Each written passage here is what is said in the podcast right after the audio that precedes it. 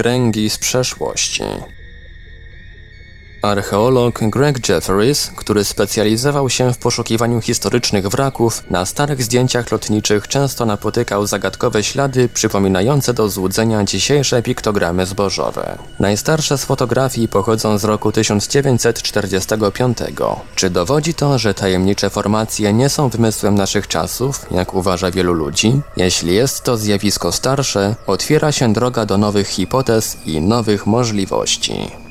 Na przestrzeni ostatnich lat teoria o tym, że za powstawanie kręgów i piktogramów zbożowych odpowiadają tzw. Tak cropmakerzy, po angielsku twórcy zbożowych formacji, zyskała dość mocny grunt. Już dawno w odstawkę poszły teorie traktujące to zjawisko w kategoriach. Tak nieznanego. Badania z ostatnich lat jednak dość mocno przewartościowały naszą wiedzę w tym temacie. Choć na temat kręgów zbożowych powstało wiele publikacji, samą historię zjawiska w dalszym ciągu spowija mgła tajemnicy. Jak wiadomo, pierwszą udokumentowane formacje zbożowe datuje się na lata 50. XX stulecia. Dość głośna była sprawa tzw. Tak gniazda Tolly z 1966 roku, kiedy miejsce pojawienia się agroformacji zostało po raz pierwszy dokładnie przebadane i udokumentowane fotograficznie. W tych czasach zjawisko to wiązano chętniej z aktywnością UFO niż działalnością żartownisiów. Dziś, w dobie aktywności cropmakerów, wielu badaczy uznało, że w zjawisku kręgów czy piktogramów zbożowych trudno doszukać się większej tajemnicy niż deska i sznurek, czyli przyrządy, które wystarczają do ich stworzenia.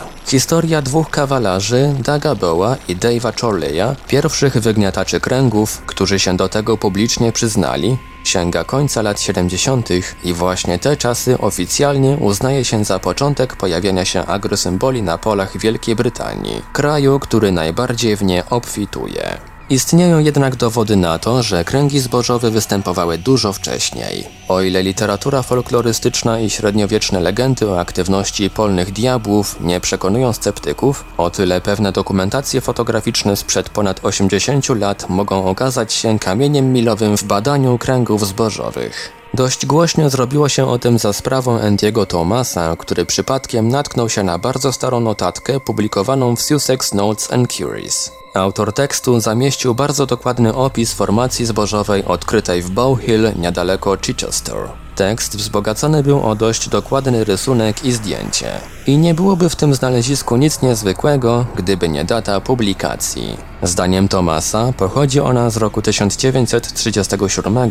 Inne źródła podają datę 1932. Zdjęcie może nie jest dokładne, ale widać na nim wyraźnie zarys kręgu i oficjalnie uznaje się je za najstarszą fotografię agrosymbolu na świecie. Wszystko wskazuje zatem na to, że zjawisko kręgów zbożowych jest bardzo stare. Badaczowi Colinowi Andrewsowi udało się dotrzeć do relacji z początku XX wieku, które mówiły o dziwnych symbolach na polach. Ale jeszcze większą burzę od odkrycia Thomasa wywołał swoimi twierdzeniami inny badacz. Pewien naukowiec z Uniwersytetu Tasmańskiego, archeolog, postanowił przyjrzeć się sprawie kręgów i piktogramów od zupełnie innej strony i skorzystać przy tym z dobrodziejstw współczesnej technologii. Greg Jefferies, bo o nim mowa, od dość dawna interesował się tematyką agrosymboli po tym, jak miał okazję zapoznać się z historycznym opisem kręgów zbożowych w naukowym piśmie Science Journal Nature z 1880 roku. Mając doświadczenie w analizie zdjęć lotniczych, gdyż był zaangażowany w poszukiwanie wraków, postanowił wziąć pod lupę stare zdjęcia. Ułatwiło mu to Google Earth, które jakiś czas temu udostępniło nową funkcję. Dzięki zakładce History można przeglądać stare zdjęcia wielu miejsc na świecie i cofnąć się w czasie nawet do 1945 roku. Najstarsze zdjęcia to w większości materiał fotograficzny wykonany drogą lotniczą, na przykład przez RAF. Jefferies postanowił posłużyć się tym materiałem i po wielu godzinach analiz udało mu się wyłuskać prawdziwe cuda. Znalazł setki zdjęć, z czego 64 uznał za dyskusyjne. Widać na nich bowiem coś, co można uznać za kręgi i piktogramy zbożowe.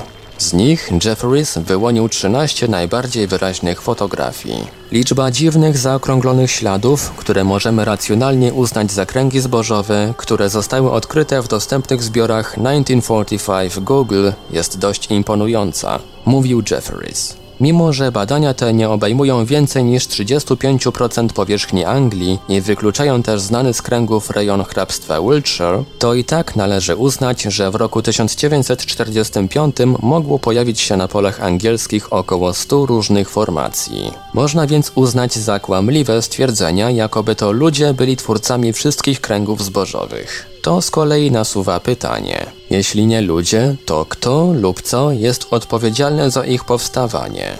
Jefferies ma w tej kwestii swoje własne zdanie i traktuje zjawisko agrosymboli jako fenomen przyrodniczy.